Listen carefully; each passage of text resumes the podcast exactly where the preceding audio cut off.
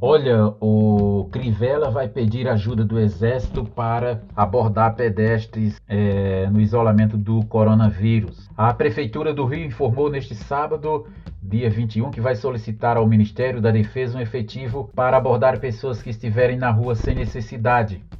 Pedimos praças e soldados para circular na Zona Sul e abordar idosos que estejam circulando. É para dizer da solicitação de se preservar em casa, afirmou. Vamos pedir que o Exército coloque em cada quarteirão um ou dois soldados, diz. A Prefeitura do Rio também vai pedir a todos que os supermercados da cidade que ofereçam serviço de entrega em casa. A Prefeitura do Rio também vai pedir a todos os supermercados que ofereçam serviço de entrega em casa em uma coletiva, o prefeito Marcelo Crivella solicitou que os estabelecimentos priorizem idosos nos deliveries. Nós também pedimos aos supermercados que, se desejarem, podem trabalhar 24 horas. Hoje, sábado, havia filas enormes de automóveis para estacionar e ir aos supermercados. É muito importante que não façamos aglomerações em lugar nenhum inclusive nos mercados, disse. Segundo o prefeito, a entrega deve ser feita em até 48 horas. Crivella anunciou ainda a abertura das 17 às 20 horas de restaurantes populares para o jantar a partir de quarta-feira, dia 25. A rede já oferece café da manhã e almoço. Crivella anunciou que a população de rua será encaminhada para três abrigos em Honório Gugel, no centro, e em